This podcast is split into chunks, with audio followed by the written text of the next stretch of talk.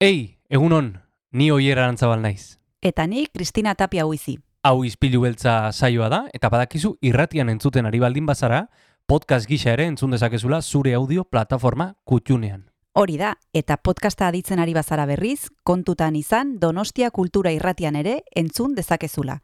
FM eundazazpi puntu lau frekuentzian. Sare sozialetan ere topatuko gaituzu noski, izpilu beltza bilatuta, Instagram, Facebook eta Twitterren. Besterik gabe, guazen gaurko saioarekin. Az gaitezen,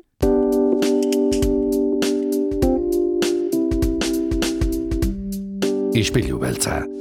Donostiako kulturaren berri, Oyer Arantzabal eta Kristina Tapia buizirekin.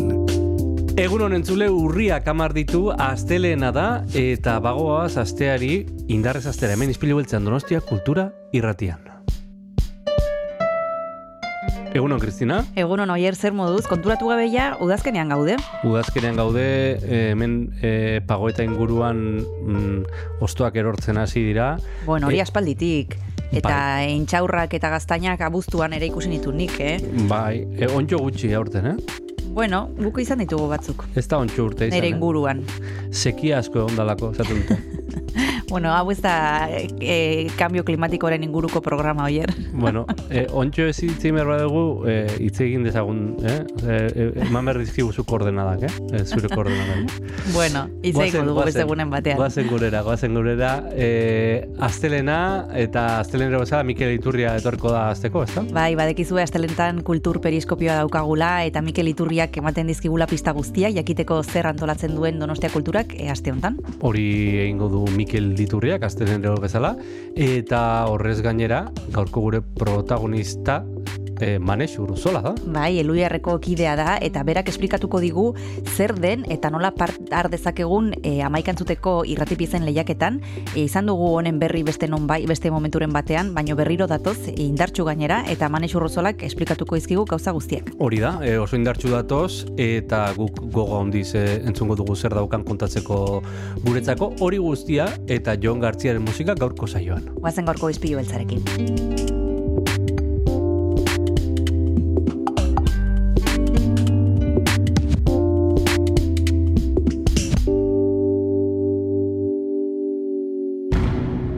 Egun honen zule, guazen gaurko saioari hasiera ematera Neomak taldearen ilargi berriak kantuarekin.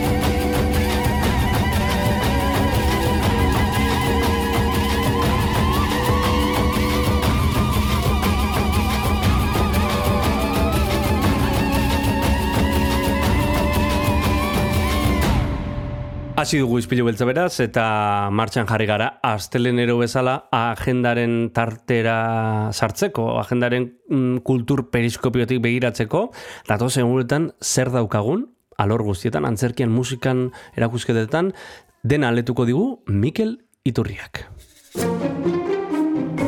Kultur periskopioa.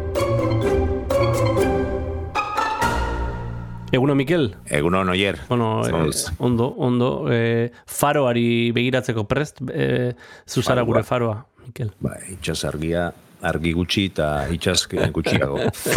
e, bueno, gauza bat esango dizu, tilaren amapian, asteazkenean jai eguna dela. Bai. Espainian behintzat, eta guk ere, gehienok hemen, Espainiako Bai, ze hori, e, lan egutegia daukagu. bai, bueno, be- berrasmatuko dugu jaiegun hori beste izen bajarriko diogu agian. Eh?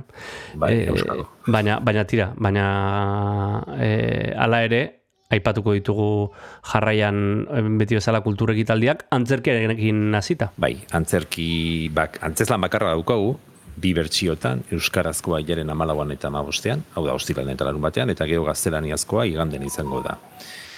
Estrainaldia dira biak, eta biak antzokizarrean ilunkentzeko zazpi terrietan. Baiben Producciones da eh, lan honen ardura hartu duna, familia sareka da, euskaraz, redada familiar gaztelaniaz. Komedia da, katartikoa, ditzen dira esate diote behaiek, eta sinopsitik, etxean lasaia faltzen ari den familia batek, deliktu informatikoen unitatearen sarekada bat jasaten du.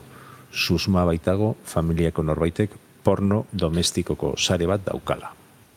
Hortxe dago, hortxe dago gaia, eta aizu, e, bueno, ba, zuzendaria Olga Margaio da, Antonio Muñoz de Mesa da egilea, aktoreak, Nerea Gorriti, Mikel Laskurain, Ainhoa Hierro Euskaraz, Ana Ana Pimenta Gaztelaniaz, Xantiko Korkostegi ere arituko da, eta gero, ez dakit, langidetza berezi bat, ustut ondo ezagutzen dezun pertsona bat, Aitziber Garmendia. mm Aitziber Garmendiaren kameogarekin. Eh, Hori da. Tira, eh, antzerki ederra bi hizkuntzetan, eh, norbera nahi duen hizkuntzan eh, ikusteko. Eh, honekin amaitu dugu antzerkia, hoi baino laburrago atera zaigu, eta jarraian musikarekin jarraituko dugu. Bai, ba, kanta bat jarriko dugu, ez? Ostiralean Victoria Eugenia egongo den gitarrika de la Fuenteren, quien encendió la luz kantua. Nork piztu du argia, entzun dezagun.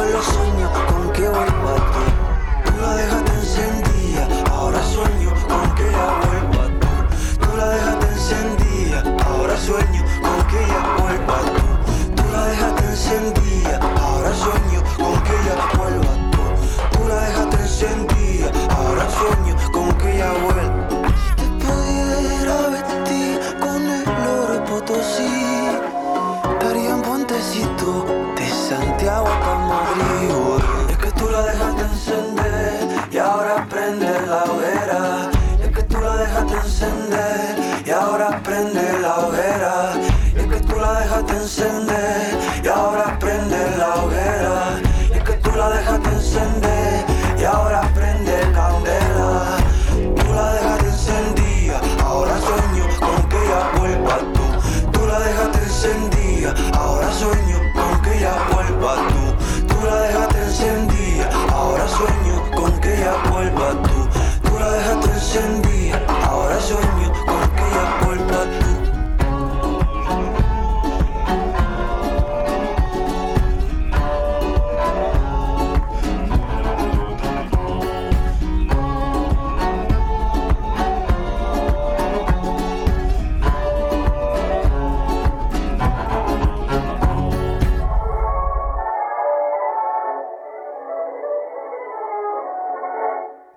musikaren atalazteko entzun dugu gitarrika de la fuenteren quien encendió la luz abestia.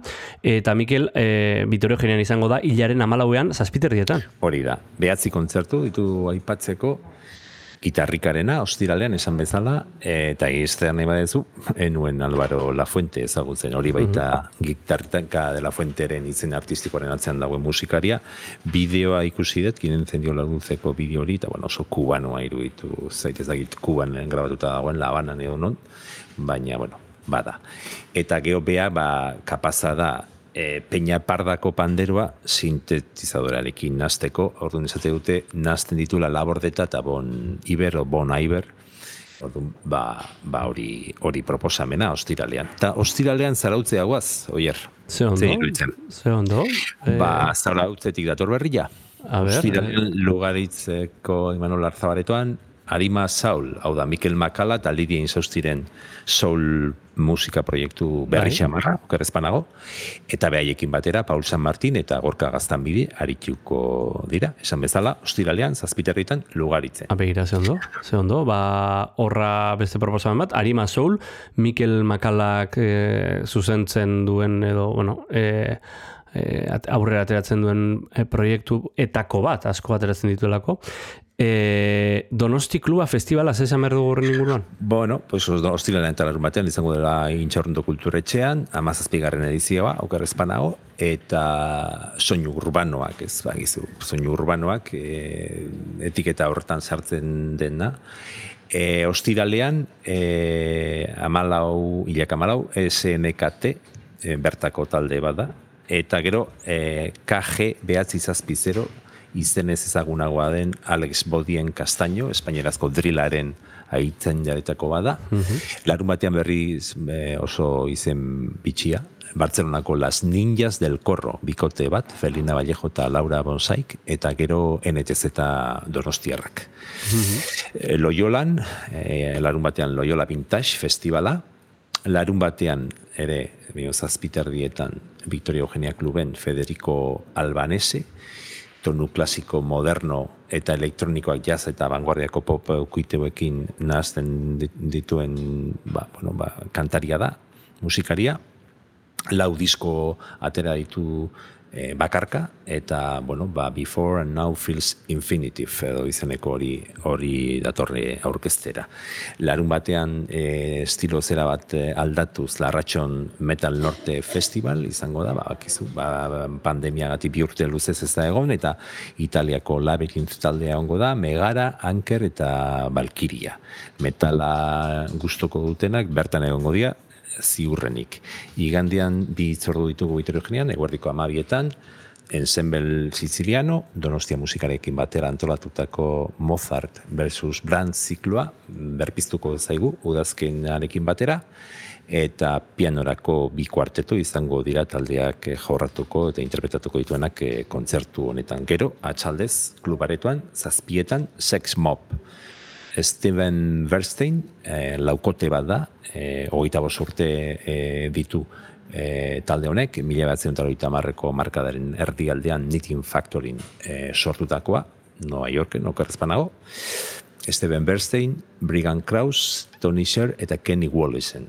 Eta, claro, Kenny Wallisen aipatzen balin badegu, guretzat, hau Rupert Ordorikaren estudioko musikaria izan da hainbat diskotan, eta Bai. pentsatzekoa da, e, oinatearra ere, ba, agian daukagu Victoria Eugenia Kluben, e, bere musikari kutxun honen kontzertua ikusten. Oso posible da, oso, oso posible da.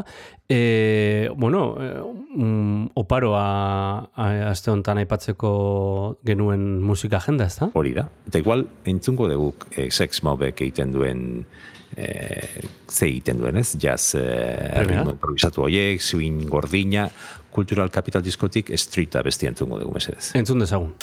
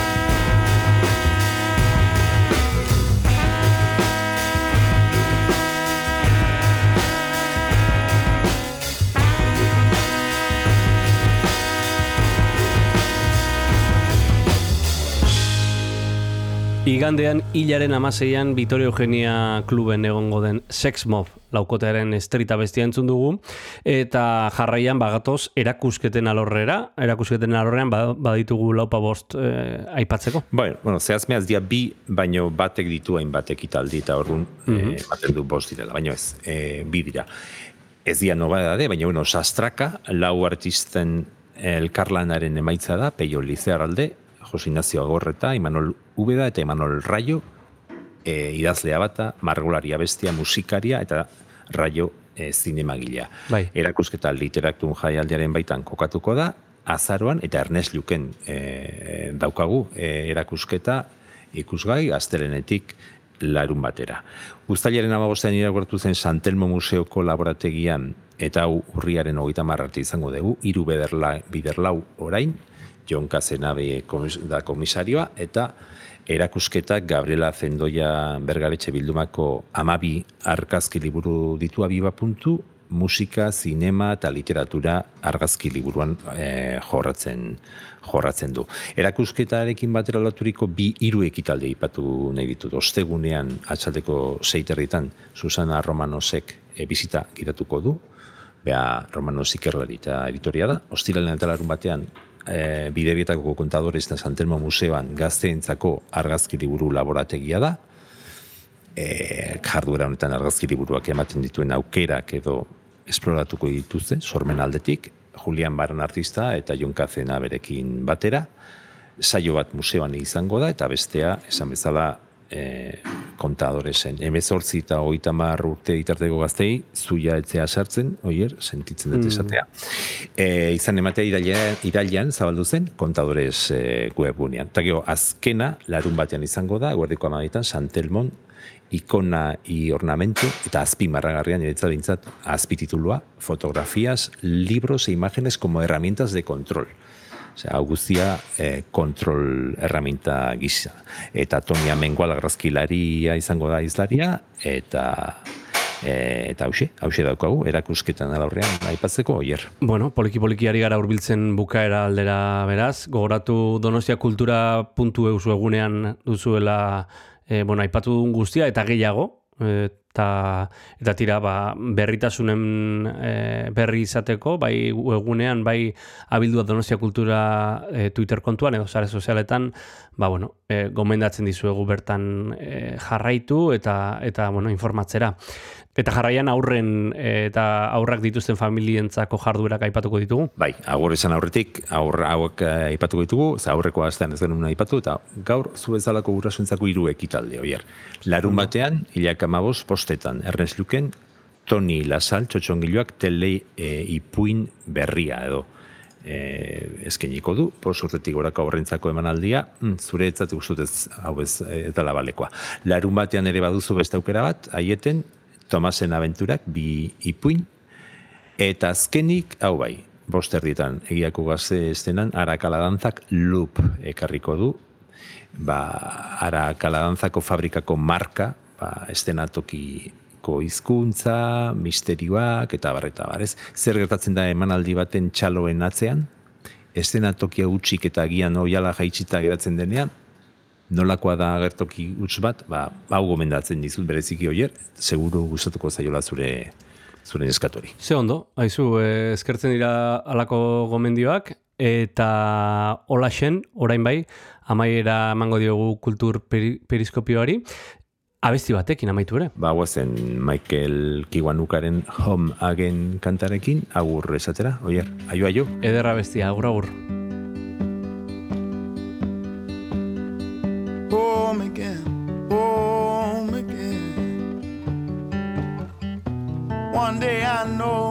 I feel home again, wrong again, wrong again.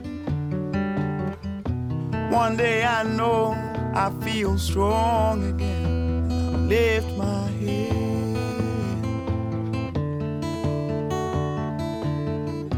Many times I've been told all this talk will make you. So I'll close my eyes, will look behind, moving on, moving on. So I'll close my eyes, will look behind, moving on.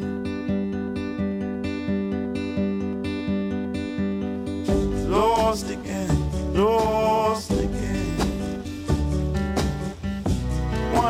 I know our paths will cross again. Smile again, smile again.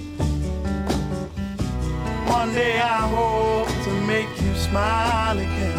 And I hide.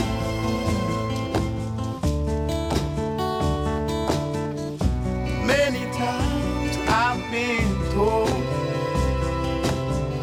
Speaking mind, just bold So I'll close my eyes Will look behind, moving on Moving on So I'll close my eyes And the tears will clear then I'd feel no fear. Then I'd feel no way. My paths Home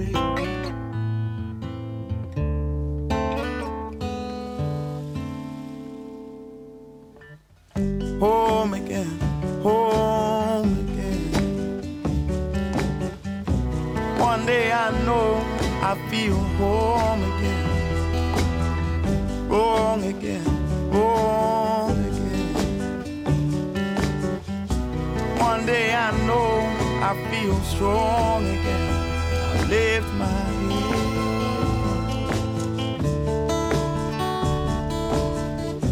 Many times I've been told, all this talk will make you old.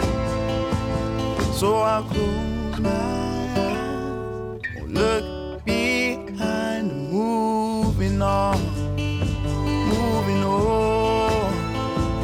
So I'll look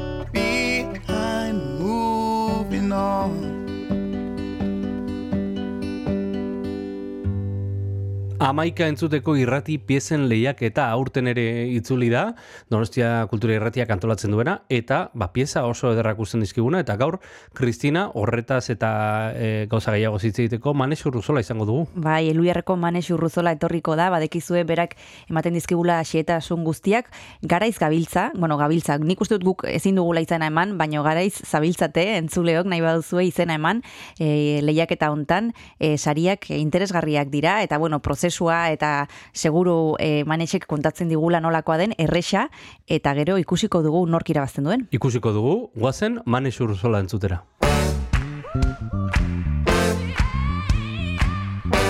Egun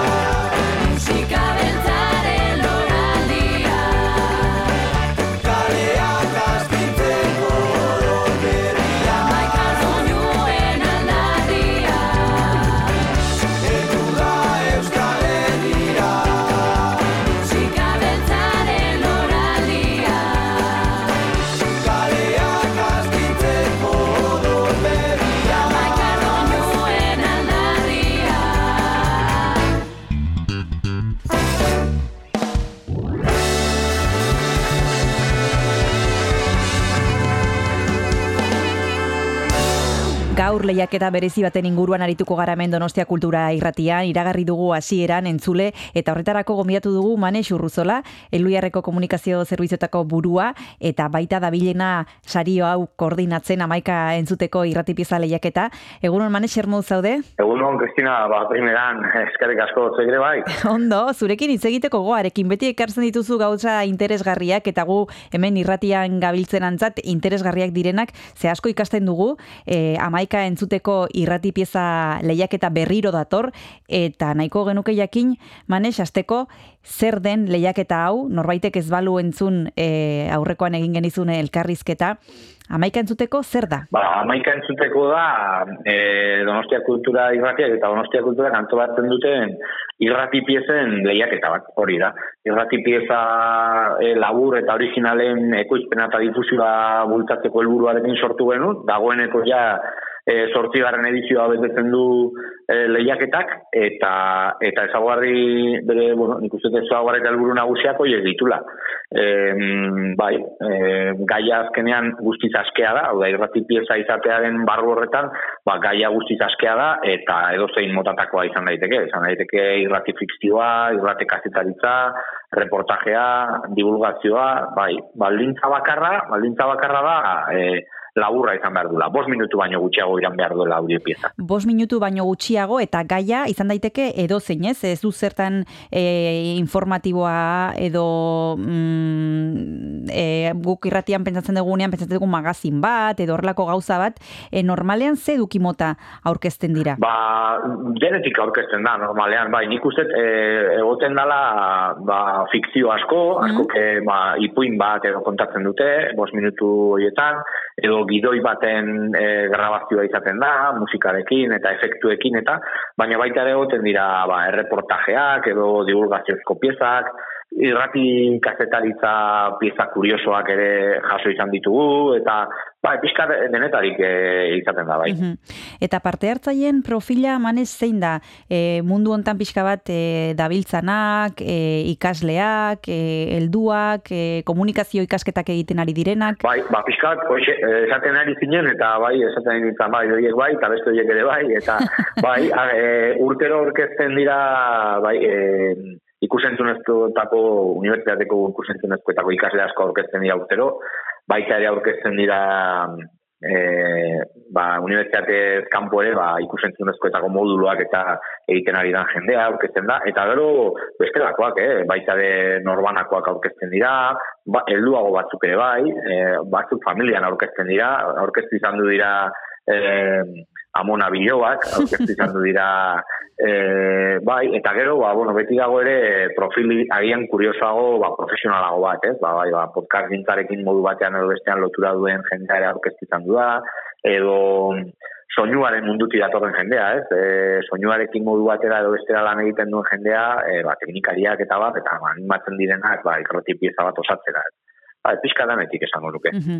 E, oso zaila izan behar du, bueno, komplejua esan nahi dut, e, e, aurkezten den pieza, hau teknika aldetik esan nahi dut, e, ez dakit, e, ba, do, dominatu behar duten asko ba, edizio mm, tresna bat, edizio programa bat, edo fikatzen den e, epaimaia gehiago edukietan. Bai, gehiago saiatzen gara pixka bat e, lanaren originaltasunean e, e, oinarritzen, ezta? E, gia da, bueno, ba, bikaintasun e, teknikoa ba, bai, baina, baina bueno, gaur egune oso tresnasunekin ere oso maila ona lortzen da e, lortu daiteke eta orduan bueno, ba, pixka bat gu jartzen dugun baldintza da e, audioak originala izan behar duela. Ez da dila komertziala izan, izan da dila irratian e, sekula emititu gabea, eta beste sariketetan e, saritu gabea, eta hortik aurrera, bueno, ez, ez dugu bestelako, bestelako mugari jartzen.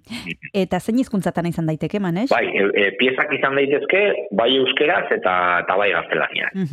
Oso ondo, ba, orantxe bertan jarraituko dugu e, lehiaketa honen inguruan hitz egiten, badekizu manes, abesti bat eskatu behar dizu dala, tarte bat hartzeko, ezaki ze pentsatu duzun entzulekin partekatzeko, ze, ze daukazuko goa entzuteko? Ba, behira, pentsatu dut, e, eskatzea, nire lagun musika musikari handi baten e, abesti bat. Mhm. Eta Abran Kupeiro, Abran Kupeiro da e, Galiziar multiinstrumentista bat, eta berak eh, duela urte batzuk ateratzen disko bat, eh, oson eskezidos, ba, gallegoz izango litzateke, eh, ba, hartutako soinuak edo horrelako zerbait, eta los sonidos olvidados, grabatu zuen eh, Galiziako filarmonikarekin, orkesta filarmonikoarekin.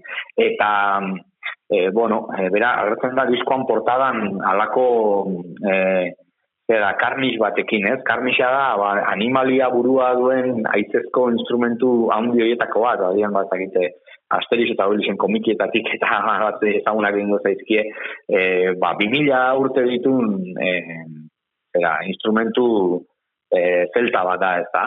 Eta, bai, Abraham da oso musikari handia eta gainera besteak beste, bera, dedikatzen da gotara, ez da? Duela, eundaka urteko instrumentu zarrak e, ba, ikertu, berreskuratu, berak ere ikitzen ditu, artisau da, eta gero jo egiten ditu.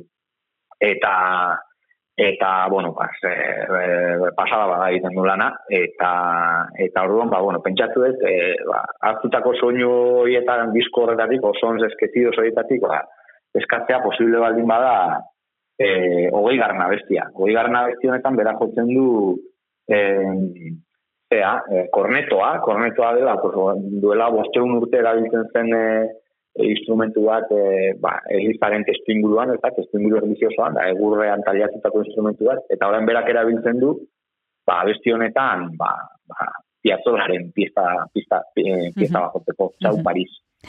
Primeran, ba, guazen entzutera Abraham Kupeiroren abesti hau.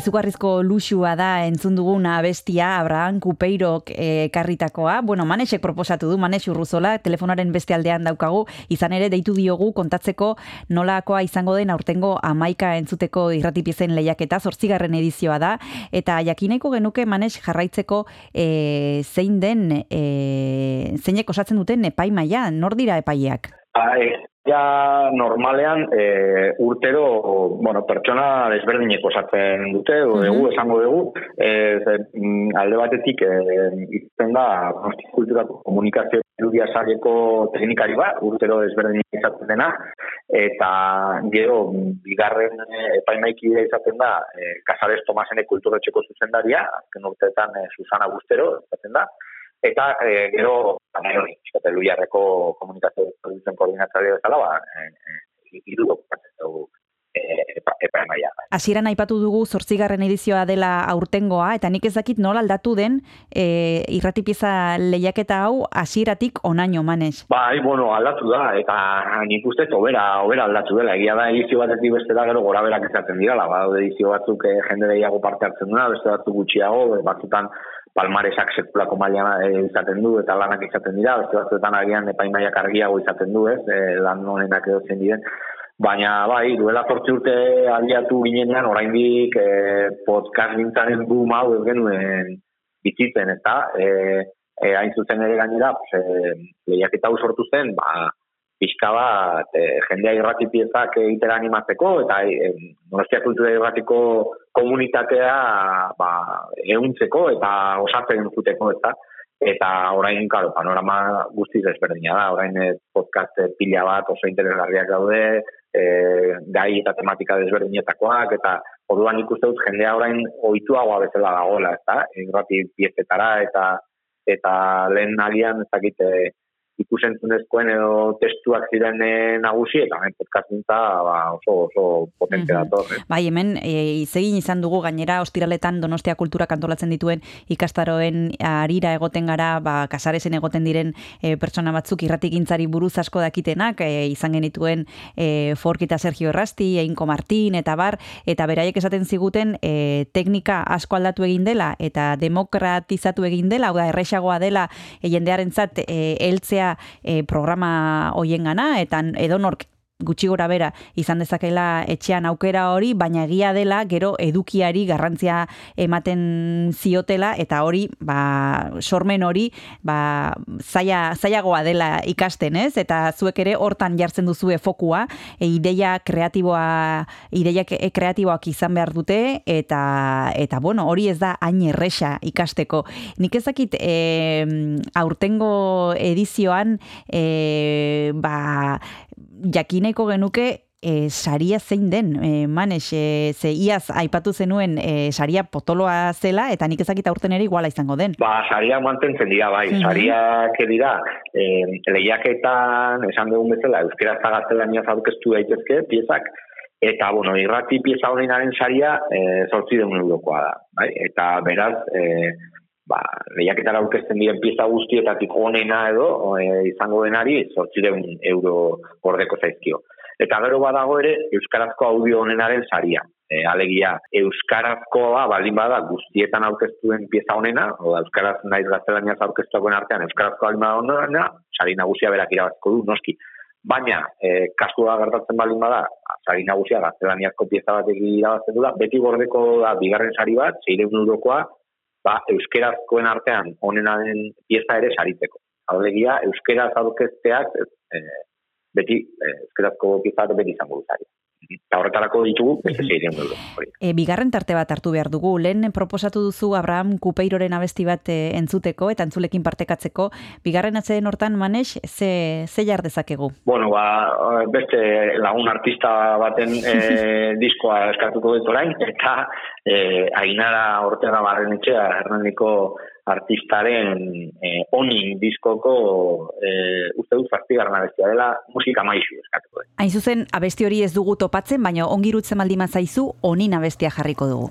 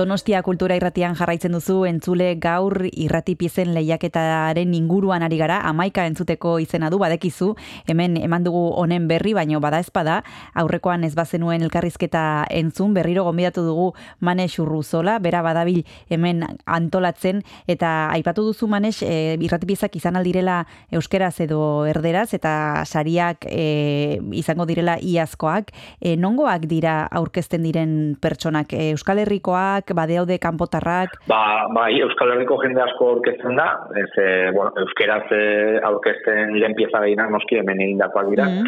eta bai, ba, bai, e, asko esan da bezala dira, ba, hori e, ikusentzunezkoen e, moduluak egiten dituztenak, edo, edo leioan e, ikusentzunezko eta kazetaritza fakultateko ikasle batzuk ere urtero aurkezten dira, eta gero bestelako, bueno, norbanakoak eta bai. Eta gero gaztelaniaz e, piezak aurkezten dituztenen artean, pues danetatik dago, dago e, Madrilgo jendea, katalanak ere Aha. aurkeztu izan du dira, eta gero Ego Ameriketatik ere iristen zaizkigu piezak. Bai, Ego Ameriketatik, Argentinatik, Mexikotik, eta beste herrialdetatik ere urtero urtero pieza batzuk iristen dira. Mhm. Beraz, eta bai, leku askotatik. eta e, paie bezala manez nik ezakit momenturen batean e, izan duzuen lanen bat e, esan duzuela zuen artean ostras hau ze bitxia e, oso kuriosoa ez genuen horrelako zerbait inoiz entzun ezakit oso diferentea dena Bai, urtero ditugu sorpresa oso politak eta hau zabal ikusten gaituztenak. Egia esateko privilegio bat eta luxu da e, lehiaketa honetan eta nahi izatea. Eta eta esan da bezala urte batzutan, e, bueno, ba, argi dago e, destakatzen duten lan batzuk e, e, daudenean oso oso argi izaten da, baina beste batzutan, ba, zuk esan dako, ez, batek agian destakatzen du, ba, gaiaren originaltasuna bategatik, beste batek berriz destakatzen du, ba, formatu ikaragarri berritzailea delako eta hori izaten ditugu lanak, ezta? E, e, e, bueno, zorionez, e, ja, elkar ezagutzen dugu normalean eta eta gero, ba, bueno, sariak hor daude, baina gero beti daude, eta, ba, ez dakit, ba, edo exekuak egiteko aukerak, edo aipamen bereziak ere banatzeko aukerak, eta beti horrekin jolasten ere ibili behar izaten dugu, ze, ba, ba, baskotan e, pieza asko e, urte batzutan, e, e, batzutan ez hainbeste, batzutan aurkeztu izan du dira, hogei, hogei tamar piezan, beste urte batzutan aurkeztu izan du dira, iruro pieza, eta eta gehiago ere bai, eta eta bi sarirekin bakarrik onenak e, nabarmentzea, ba, ez da izaten, eta doan hor, horri biltzen gara. E, buru astintzen, ba, ez beste errekurtso ditugun, ez da, e, nabarmentzeko edo palmares orekatu bat egiatzeko. Mhm. E, manes, bukatzeko guazen gogoratzera noiz arte dagoen epea izena emateko eta non aurki aldiren e, ba, baseak informazio osoa? Bai, ba, epea da azaroaren hogeita laua, Mhm. azaroaren e, hogeita laua, osteguna tokatzen da, eta hori izango da, e, lehiaketara aurkezteko azken eguna edo muga, bai. Eta e, lehiaketara aurkezteko informazio guztia, oinarriak eta bestelakoak, iazko pieza irabazleak eta bar, daude irratiaren webgunean, dala? irratia.donostiakultura.eus irratia.donostiakultura.eus eta hor dago informazio. Beraz, im, denbora badago oraindik ere, eta norbaitek nahi izan ez gero, e, eta nahiko balu izena eman, eta inspirazioa nahi baldin badu bilatu, hor webgunean ere, aipatu duzun bezala, iazko irabazleak daude, beraz, e, saltzeazeko aukera badago webgunean, eta esan bezala, azaroren hogeita laur arte dago aukera izena emateko irrati pieza lehiaketa hontan. Mane Xurruzola, eskerrik asko, beti bezala, izpilu, izpilu beltzara urbiltzeagatik, eta hurrengor arte bezarka da bat. Eskerrik asko, Kristina, gero arte. Aio!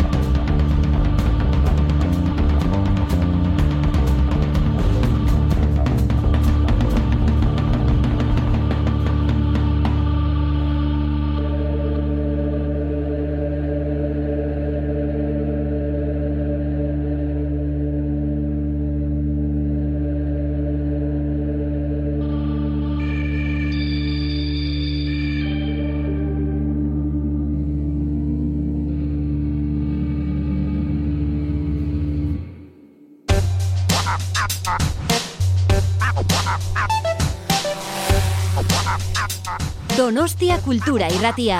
Zabaldu gurekin Donostialdeko kulturaren leioa.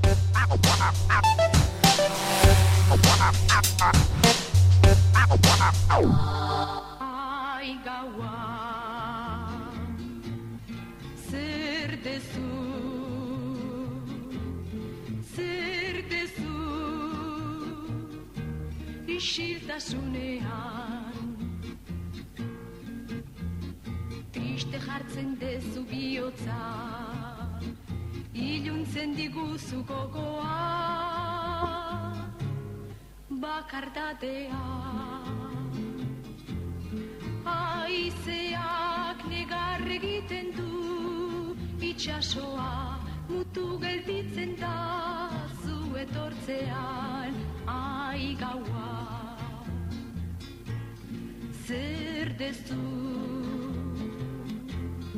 zer dezu isiltasunean zuk oroi arazten nauzu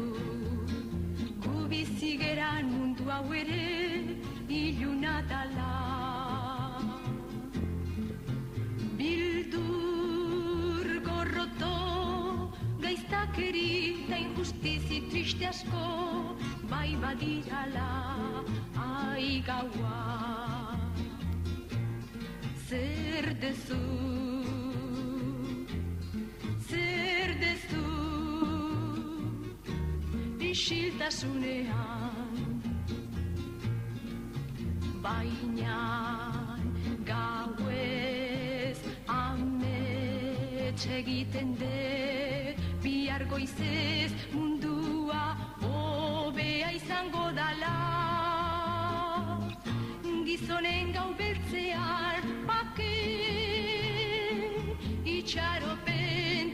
eta maitasun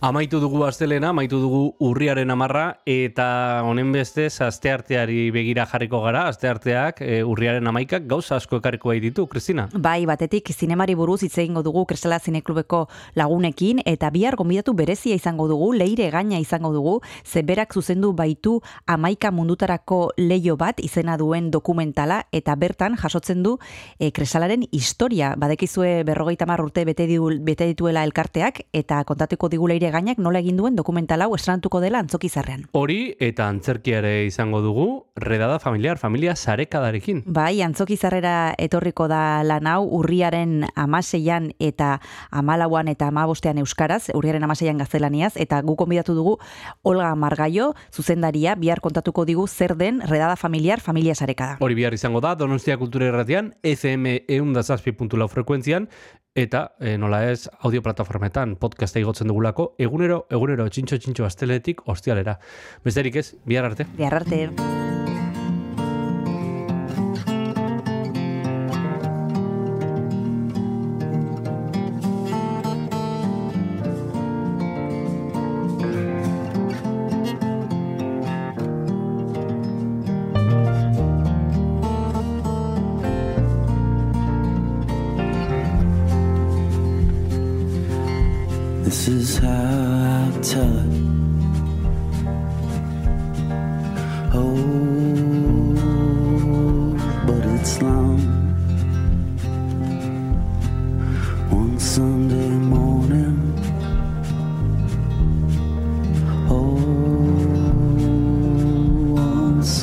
Is gone.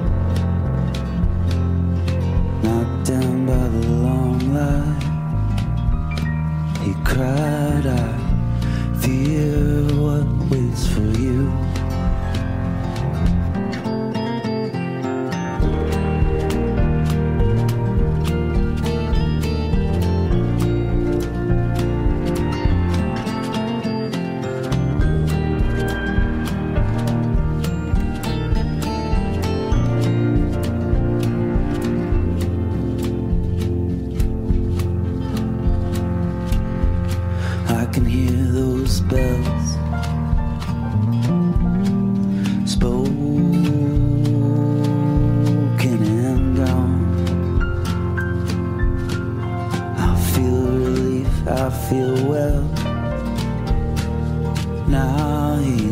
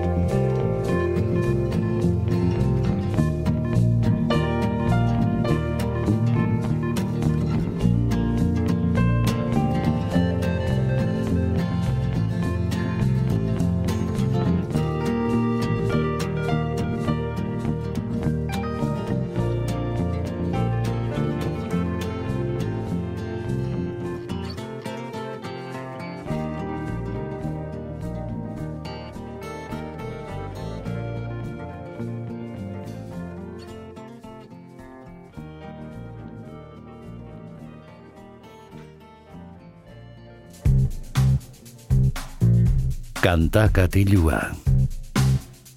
Jon Gartziaren eskutik. Egun honen zule, ongietorri gaurko kantakatilura, gaurko izpilu beltzaren amaiera honetara. Badakizu egunero egunero musikaz amaitzen dugula saioa hemen Donostia Kultura Irratian eta gaurkoan ere alaxe egingo dugu. Gaurkoan mila betzirun da laro maikan jaiotako talde bat entzungo dugu, eh, haien azken lana. Clutch taldeari buruz ari gara, e, badaramate jada amairu disko haien diskografian, eta amairu garren entzungo dugu gaurkoan. Sunrise on Slaughter Beach izena du aurten kaleratu duten diskoak, eta alaxe hasten da. Red Alert Boss Metal Zone abestiarekin.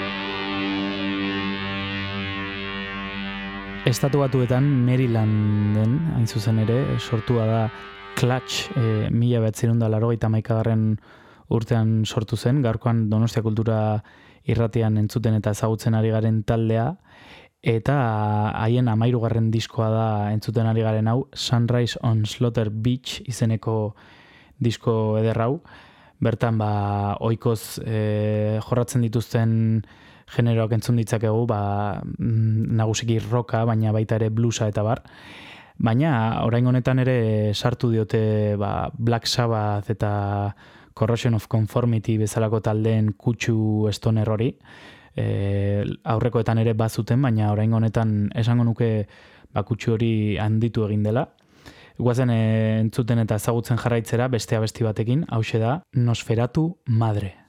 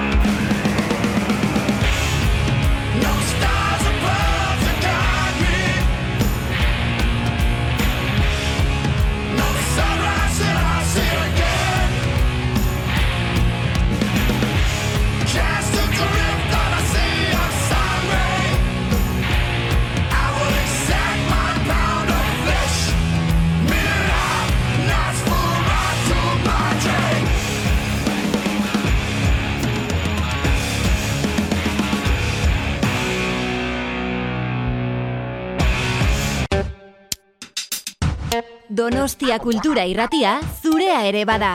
Zatoz eta parte hartu.